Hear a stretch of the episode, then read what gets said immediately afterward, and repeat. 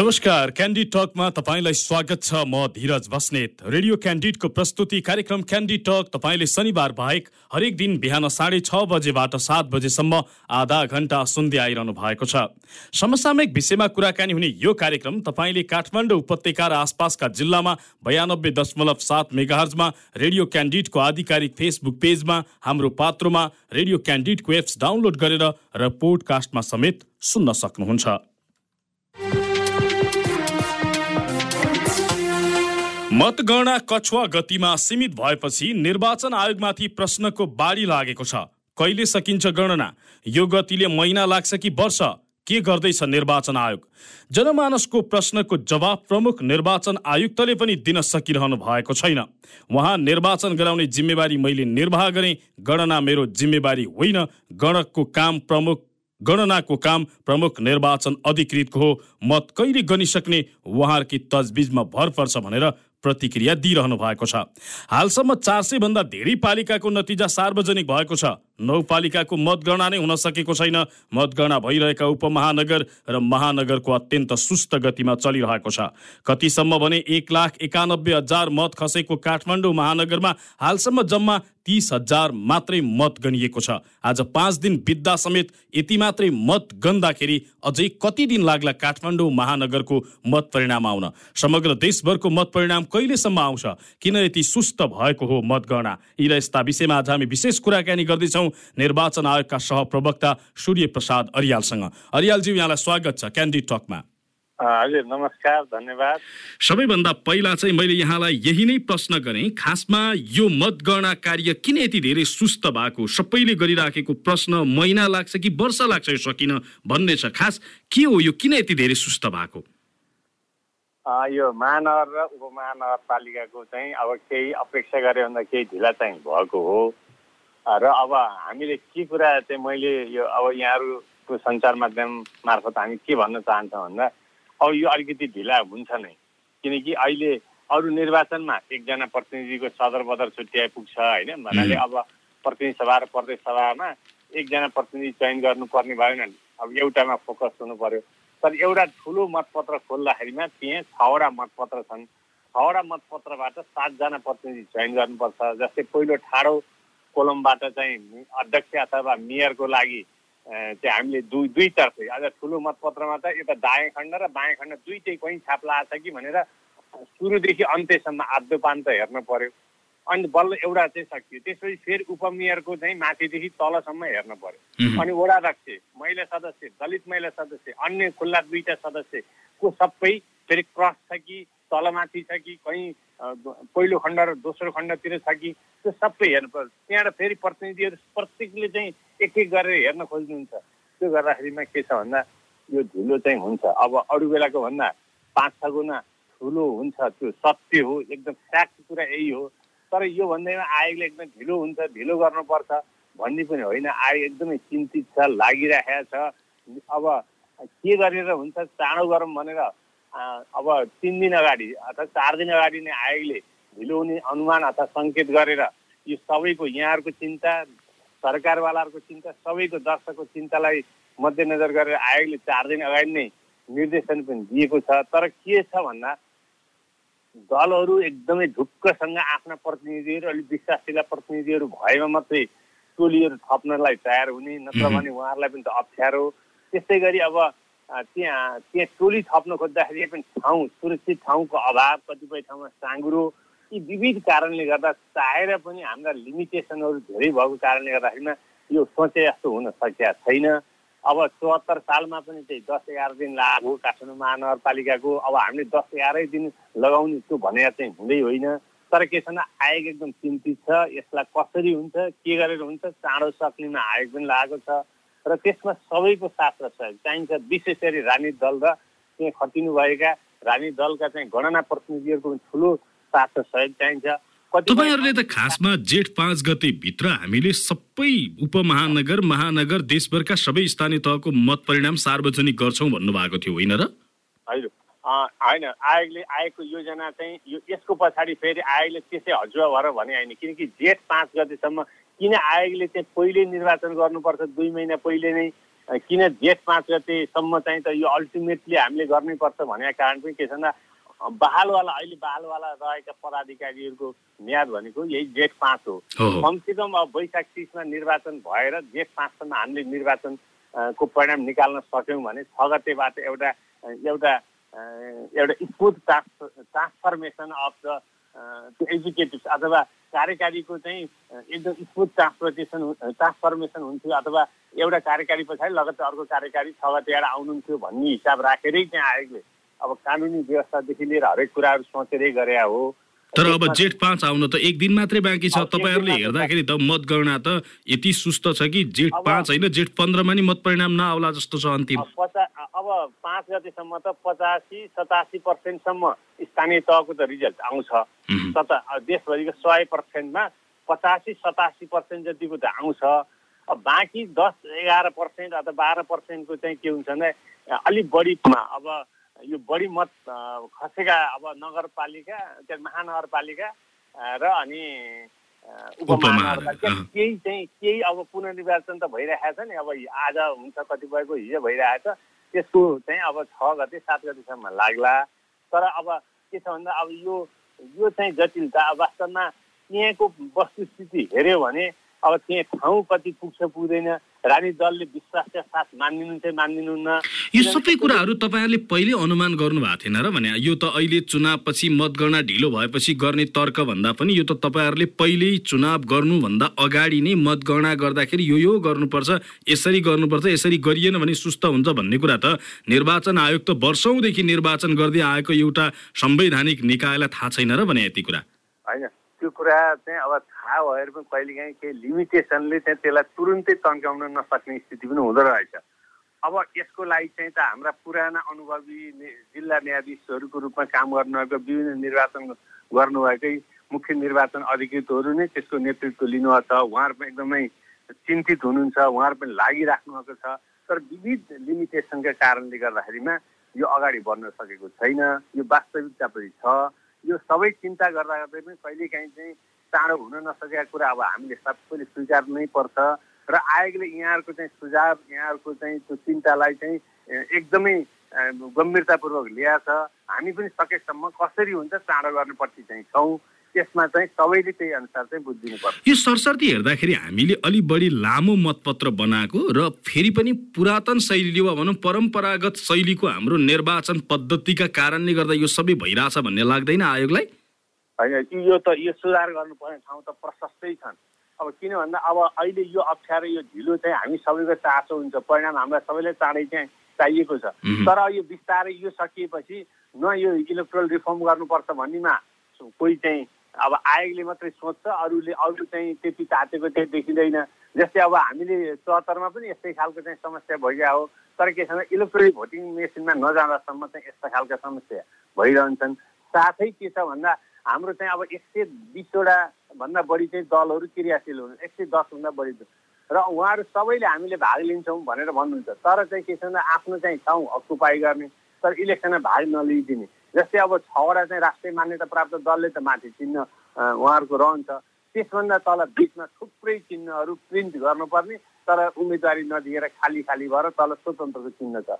अब यो के छ भने हाम्रो संवैधानिक व्यवस्थाका निर्वाचन कानुनको व्यवस्थादेखि लिएर हाम्रा दलहरूको पनि प्रवृत्तिले गर्दाखेरिमा मतपत्र चाहिँ अनेक विधि गर्दाखेरि पनि सानो बनाउन चाहिँ नसकिएको अवस्था। तपाईँहरूले अन्तिम समयमा जति पनि दलहरूलाई दर्ताका लागि आह्वान गर्नुहुन्छ ती दर्ताका लागि आह्वान गरेका दलहरू दर्ता नभएपछि स्वत तिनका निर्वाचन चिन्ह राख्न नमिल्ने गरी कानुन बनाउन मिल्दैन र भने? यसो छ। अब हामीले हजुरहरूलाई कति पक्कै पनि थाहा छ कि पहिला चाहिँ अब यो कानुनले संविधानले दिएको व्यवस्था निर्वाचन प्रयोजन इलेक्सन डेट डिक्लेयर भएपछि निर्वाचन प्रयोजनको लागि को कोले भाग लिने भने सूचना त एकदमै जारी गर्नुपर्ने संवैधानिक व्यवस्था छ। त्यसमा असी दलले भाग लिन्छु भन्नुभयो।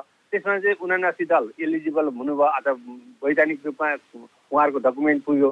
र उनासी दलमध्ये त्रिहत्तर दलले हामी सबै सतहत्तरी जिल्ला भाग लिन्छौँ। भनेपछि आयोगले दिन पाउनुहुन्न भनेर कसैलाई भन्नु मिलेन। अनि त्यसो अझ वस्तुनिष्ठ तरिकाले थाहा पाउनुको लागि के गरियो भन्दा मतपत्र छाप्न ढिलाइ भइसक्यो। चैत्र तिन गते हामीले निर्णय आयोगले निर्णय गरेर तपाईँहरूको जिल्ला कार्य समितिको विवरण दिनुहोस् न त त्यसमा नि तपाईँहरूले भाग लिन्छु भन्नुहुन्छ भनेर फेरि सूचना तिन दिनको गर्दाखेरिमा हाम्रो निर्वाचन कार्यालयबाट आउँदाखेरिमा त्यो सङ्ख्या त घट्यो। तर हामीले अपेक्षा गरे जस्तो घटेन। किनकि जिल्ला कार्य समिति भएर एउटा बनाएर बस्नु त। तर त्यही कार्य समितिको विवरण दिने चाहिँ दलले पनि पहिला चाहिँ हामी भाग लिन्छौँ भन्नु अनि पछि चाहिँ उहाँहरूले उम्मेदवारी दिने बेलामा चाहिँ दिनु भएन भनेको यो धेरै दलको सहभागिताका कारणले गर्दा लामो मतपत्र भयो लामो मतपत्र भएकै कारणले गर्दाखेरि मतगणना ढिलो भयो भन्ने आयोगको निष्कर्ष हो। आएको होइन यथार्थता त्यही हो। मैले भन्न खोजेको जस्तो यसलाई हामीले इलेक्ट्रोनिक भोटिङका रूपमा अब चाहिँ कन्भर्ट गर्नुपर्ने बेला भएन यो ढिलो भएन यसरी चाहिँ यो कहिलेसम्म यसरी कुरिरहने? यहाँले जसरी चिन्ता गर्नु नि अब यो चाहिँ के छ भने यहाँहरूले सधैँभरि चाहिँ यो त यो इलेक्सनको बेलामा त सबैलाई चासो छ तर बिस्तारै के हुन्छ भन्दा यो बिर्सिने चाहिँ चलन हुन्छ। र अब त्यस बेला चाहिँ आयोगले मात्र इलेक्ट्रोनिक भोटिङ मेसिन भन्छ। अरूहरूले चाहिँ अब अहिलेलाई त्यो प्राथमिकता विषय चुनाव सकिएपछि अब यो प्राथमिकता विषय होइन। बजेट अरू ठाउँमा चाहिएको छ कहाँ इलेक्ट्रोनिक भोटिङ मेसिनलाई अहिले किन्नलाई त्यत्रो पैसा चाहिन्छ भन्ने कुराहरू हुन्छ। किनकि यसलाई त पहिला सुरुमा लगानी गर्नलाई ठुलो धनराशि चाहिन्छ। या त आए नेपाल सरकारले जुटाउनु पर्यो होइन भने अब हामीले सहयोग कतैबाट खोजेर भएन पहल गरेर भए पनि इलेक्ट्रोनिक रिफर्ममा चाहिँ पैसा स्रोत चाहिँ जुटाउनै पर्छ। जुटाउन सकियो। अब सुरुमा ठुलो बजेट हुन्छ तर अल्टिमेटली कस्ट चाहिँ घट्दै जान्छ किनकि पेपर कस्टहरू त बढ्दै जान्छ। हरेक वर्षको चुनावका। त्यसनाले सुरुको लगानी बढी तर कालान्तरमा चाहिँ त्यसले चाहिँ इलेक्सन कस्ट एकदम घटाउँछ। त्यतापट्टि हामी सबै सोच्यौँ राजनीतिक दल अनि अब रुलिङ के अरे भन्नाले अब सरकार मुख्य कुरा चाहिँ उहाँहरूमा कमिटमेन्ट हुनु पर्यो भित्री कमिटमेन्ट हुँदा मिडियाले बारम्बार घचघचाइराख्नु पर्यो यो कुरा सधैँ यो यो यो यो चाहिँ जुन एउटा गम्भीरता सबैले लिनुपर्छ नि होइन इलेक्ट्रोनिक भोटिङमा मेसिनमा त जानुपर्ने रहेछ भनेर यो तातोपन सधैँ भइरहिरह्यो त्यो भयो भने होइन यो अरूले भन्ने कुरा एउटा भयो तर जसले सबैभन्दा बढी त्यसलाई प्रयोग गर्नुपर्छ जो त्यसको सबैभन्दा ठुलो हिस्सेदार हो उसले सबैभन्दा धेरै चाहिँ चासो राख्ने चिन्ता व्यक्त गर्ने र सरकारलाई खबरदारी गरिरहने यो नभए अब चुनाव गर्न सकिन्न भनेर त्यो तरिकाले घुर्क्याउने काम पनि त गर्नु पर्दो हो नि त। त्यसरी आयोग त लागेको देखिएन। अब आयोग आयोग पनि एउटा संवैधानिक निकाय हो। अब उसले पनि आफ्नो एउटा चाहिँ एउटा सीमाभित्र रहेर भनिराखेकै हुन्छ होइन? एउटा सीमाभित्र राखे रहेर भनिराखेका हुन्छ। तर के छ चुनाव पछाडि चाहिँ इलेक्सन त्यति प्रायोरिटीमा नपर्ने हाम्रो चाहिँ यो विगतदेखिकै परम्परा हो। त्यसैले अब यसमा चाहिँ सबैको चासो र सरकार रह्यो र सबैले मुख्य कुरा त मिडियाले बिच चाहिँ सम्झाइदिनु भयो भने अनि चाहिँ बल्ल चाहिँ सबैको त्यो हेक्कामा आउँछ मैले भन्न खोजेको त्यति मात्र हो। यो जारी मतगणना जुन छ जारी मतगणनाको अन्तिम परिणाम कहिलेसम्म आइपुग्ने तपाईँहरूले आकलन गर्नुभएको छ? महानगर उपमहानगर सबैको। अब यसो छ मैले अहिले निवेदन पनि गरेँ कि पचासीदेखि सतासी पर्सेन्ट त पाँच गतेभित्र आउँछ। अब दस एघार पर्सेन्ट बाह्र पर्सेन्टको लागि चाहिँ अलिकति अब एकदमै चिन्ताको त्यहाँको लागि हो। त्यसको लागि चाहिँ सकेसम्म टोली बढाएर त्यसमा चाहिँ राजनीतिक दल उम्मेदवारहरूले पनि साथ दिनुभयो र ठाउँ पर्याप्त भयो भने अरू दुई तिन दिन बढी लाग्ला। त्यो भनेको कहिले? दस गतेसम्म आइसक्छ? अब डेट चाहिँ नसक्नु हजुर। भनेको अहिले ठ्याक्कै भन्न सकिने स्थिति छैन त्यो जति दिन पनि लाग्न सक्ने भयो। चाँडोभन्दा चाँडो चाहिँ निस्किन्छ हजुर। यसपटकको निर्वाचन अलिकति पहिला जस्तो शान्तिपूर्ण ढङ्गको रहेन भन्ने धेरैको टिका टिप्पणी रह्यो। जस्तो धेरै ठाउँमा मतपेटिकै चाहिँ तपाईँको मान्छेले लुटपाट गरिदिने कैयौँ ठाउँमा झडप हुने यस्ता घटना धेरै भए ताकि यसपटक नै कुनै पनि राजनैतिक दलले खुल्ला रूपमा निर्वाचनलाई बहिष्कार गरेको थिएन निर्वाचनलाई कुनै पनि तरिकाले अवरोध गर्ने नीति लिएको थिएन तर यसपटक नै धेरै ठाउँमा झडपका घटना भए मतपेटिका लुटपाटसम्म भए मतपेटिका तोडफोडसम्म भए यस्तो किन भयो? यो हाम्रो विगतको निर्वाचनको इतिहास अब र पर्यवेक्षकको रिपोर्ट इतिहास हेऱ्यो भने अब निर्वाचनको बेला केही छिटपुट घटनाहरू हुने नै गरेका छन्। अब यो चाहिँ के छ भन्दा हाम्रो पोलिटिकल कल्चर कस्तो छ? एक पार्टीले अर्को पार्टीप्रति गरी व्यवहार अनि चाहिँ चुनाव जित्नै पर्ने मानसिकता कति छ? अब हामी हामी कति हदसम्म जान्छौँ? यी सबै कुराहरूले असर गर्दो रहेछ। र अहिले चाहिँ फरक पहिला र अहिले के भयो भन्दा हामीले यो पहिलेदेखि नै उन्चालिस सालदेखि हामीले स्थानीय तह निर्वाचन यसरी चाहिँ सात पदको लागि गरेका छौँ। तर सबै निर्वाचन अब यो अडचालिस सालदेखि त हामी सबै चाहिँ चरणबद्ध रूपमै गरेका छौँ। दुई चरण तिन चरणमा गरेका छौँ। त्यो एकै पटक चरण एउटै चरण पटकको अथवा एकै चरणमा गरेको पहिलो पटक पनि हो। अब यो सङ्ख्यामा अलिकति बढी जस्तो देखिए तापनि अनुपातिक ढङ्गमा मतलब पहिलो चरण दोस्रो चरण तेस्रो चरणमा भएका ती घटनालाई जोड्यो भने यो अहिलेको घटना भन्नाले जहाँ जहाँ डिस्टर्ब भयो त्योभन्दा बढी छ। तर के छ भन्दा एकैपटक आउँदा अलिक बढी सङ्ख्या हो कि जस्तो देखिन्छ। तर अब आयोगले यस्तो चाहिँ अपेक्षा गरेका थिएन किनकि यति पनि हुँदैन शान्तिपूर्ण तरिकाले हुन्छ र आएको एनालाइसिसमा पनि अब कतैबाट पोलिटिकल्ली कोही पनि असहमति छैन शान्तिपूर्ण हुन्छ र साथसाथै अब नेपाल सरकारले पनि शान्ति सुरक्षा स्थिति ठिक छ भनेको अवस्थामा चाहिँ अब यो राम्रै तरिकाले जाला भन्ने सोच्दा सोच्दै पनि केही ठाउँमा अनपेक्षित कुराहरू भएको छ। त्यसमा चाहिँ अब कतिपय ठाउँमा चाहिँ राजनीतिक दलहरू बिचको द्वन्द्वले भयो होला। कतिपय चाहिँ ठाउँमा अब त्यहाँ पोलिङ एजेन्टहरूले पनि अलिकति राम्रोसँग काम नगरिदिँदाखेरि भयो होला। कतिपय अब हाम्रा कर्मचारीहरूबाट पनि त्यस्ता खालका कमी कमजोरी भयो होला साथसाथै कतिपय ठाउँमा चाहिँ सुरक्षा मजबुत स्थिति नभएको कारणले पनि त्यस्ता कुराहरू भएका होलान्।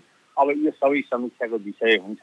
र अब आयोगले चाहिँ तुरुन्तै एउटा समीक्षा कार्यक्रम गरेर सबै ठाउँमा प्रदेशगत रूपमा गरेर कहाँ कहाँ के के कमजोरी भए राम्रा कुरा के भए नराम्रा र सुधार गर्नुपर्ने कुरा के हो त्यो चाहिँ हामीले चाहिँ समीक्षाबाट चाहिँ त्यसलाई पृष्ठपोषण लिन्छौँ। तर त्यो पृष्ठपोषण लिने मात्रै होइन कि त्यसलाई हामीले सम्पत्तिको रूपमा ग्रहण गरेर फेरि आगामी दिनमा राजनीतिक दलहरूसँग सरकारसँग अथवा सरकारहरूसँग बसेर कहाँ कहाँ कसले के के भूमिका निर्वाह गर्नुपर्छ के के पक्षमा सुधार गर्नुपर्छ र के के तुरुन्तै गर्नुपर्ने के कुन कुन कुरा मध्यकालीन रूपमा कुन गर्ने र कुनै कुन कुन काम दीर्घकालीन रूपमा बनाएर एउटा चरणबद्ध रूपमा चाहिँ सुधारका योजनाहरू पनि सँगसँगै आउँछन्। तपाईँहरूमाथि नेकपा एमाले एउटा आरोप लगायो। निर्वाचन आयोग स्वतन्त्र ढङ्गले निष्पक्ष ढङ्गले निर्वाचन आयोगले काम गरेन भन्ने खालको आरोप नेकपा एमाले लगायो विज्ञप्ति नै निकालेर। तपाईँहरू यसलाई स्वीकार्नुहुन्छ?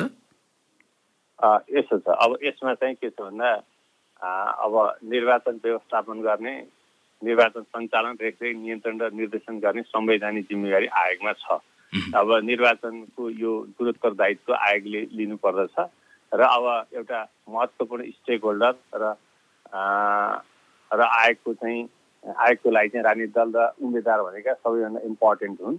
अब उहाँहरूले चाहिँ आफ्नो तरिकाले त्यो कुराहरू राख्नुभएको होला। आयोगले त्यसलाई अध्ययन गर्छ। कतिपय कुराहरू चाहिँ उहाँहरूका सुझावहरू मनोनित हुन सक्छन्। आयोगले त्यही अनुसार त्यसलाई ग्रहण गर्नेछ भने कतिपय कुराहरू आरोपको लागि आरोप पनि हुनसक्छ त्यसलाई चाहिँ अब आयोगले केही रूपमा लिनेछ त्यसैले कसैका कुराहरूलाई पनि आयोगले चाहिँ त्यत्तिकै गम्भीर रूपमा लिएर आफ्नो तर्फबाट गर्नुपर्ने केही सुधार र केही अब केही त्यस्ता पक्षहरू रहेछन् भने आयोगले त्यही अनुसार तर आयोग अलि निष्पक्ष भएन भन्ने जुन खालको आरोप छ नि यो त तपाईँहरूमाथि लागेको फेरि त अत्यन्त ठुलो गम्भीर आरोप हो नि त फेरि। होइन आयोगले त्यसरी सोचेको पनि छैन त्यसरी गर्न पनि हुन्न उसलाई दिएको संवैधानिक दायित्व त्यस्तो पनि होइन।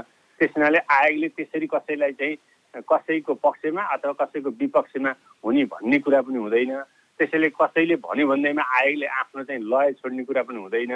त्यसैले अब यी कुराहरू चाहिँ त्यस्तो जुन अहिले घटनाहरू घटे केही भए मैले अहिले पनि यहाँलाई निवेदन गरेँ कि त्यो चाहिँ अनपेक्षित हुन् त्यो चाहिँ आयोगले चाहेको पनि होइन। नचाहँदा नचाहँदै त्यो स्थिति परिस्थिति जन्ने स्थितिबाट भयो। त्यसको लागि चाहिँ तत्काल चाहिँ स्थगन गरेर पुनः मतदान गराउने कतिपय ठाउँमा चाहिँ त्यसलाई विवाद समाधान गराउने कतिपय त्यहाँ आएको केन्द्रीय स्तरको टोली गएरै चाहिँ फलगत रूपमा अध्ययन गर्ने र अनि वस्तुस्थिति पत्ता लगाउने काम त आयोगले गरि नै रहेको छ। त्यसैले आयोग आफ्नो काम कर्तव्य जिम्मेवारीप्रति सचेत छ र त्यो सचेतना अप्नाइराखेको छ र यसमा चाहिँ अरूको साथ सहयोग पनि चाहिन्छ। म कुराकानीको अन्त्यतिर छु। अन्त्यमा मेरो प्रश्न तपाईँहरूले कम्तीमा पैँसठीदेखि सत्तरी प्रतिशत हाराहारी अझै भनौँ पचहत्तरसम्म पुग्छ भन्ने मोटामोटी अनुमान गर्नुभएको थियो। त्यति प्रतिशत मतदान हुन्छ भन्ने अनुमान गर्नुभएको थियो। तर जम्मा चौसठी पैँसठी प्रतिशत हाराहारी मात्रै मतदान भयो भनेको त निर्वाचन प्रति मतदाताको आकर्षण कम भएको हो वा अरू कुनै कारणले गर्दाखेरि मतदाता तपाईँहरूले सहभागी गराउन नसक्नु भएको हो? उनीहरूलाई त्यसरी जागरुक गराउन नसक्नु भएको हो? के हो खास कुरो? अब यो तथ्याङ्क चाहिँ अब केही ठाउँमा हिजो र अब यो मतदान चाहिँ भइरहेको छ है पुनः मतदान पनि भइरहेको छ। त्यसैले चौसठी प्रारम्भिक नतिजाले चौसठी भने हो तर अहिले पछिल्लो चाहिँ अपडेटेड चाहिँ सूचना अथवा जिल्लाबाट चाहिँ हामीले भेरिफाई गरेको डेटा अनुसार करिब सत्तरी पर्सेन्ट चाहिँ मतदान भएको छ। तर अब त्यो सत्तरीभन्दा अलिक बढी अब हामीले त सकेसम्म सत्तर प्रतिशत हुने गरी नै हामीले चाहिँ सबै अपेक्षा गर्ने हो। अब त्यसरी त हुँदैन। विविध कारणले गर्दाखेरिमा सत्तरी पर्सेन्टको रेन्ज भनेको त्यो नराम्रो चाहिँ होइन।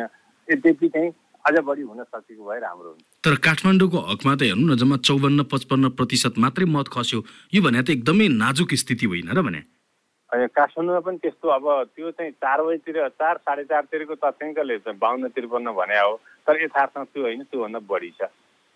हस् यहाँलाई महत्त्वपूर्ण समय र संवादका लागि धेरै धेरै धन्यवाद। यहाँको सञ्चार माध्यमबाट आएको कुरा राख्ने चाहिँ मौका दिनुभयो। यहाँलाई पनि धेरै धेरै धन्यवाद। नमस्कार।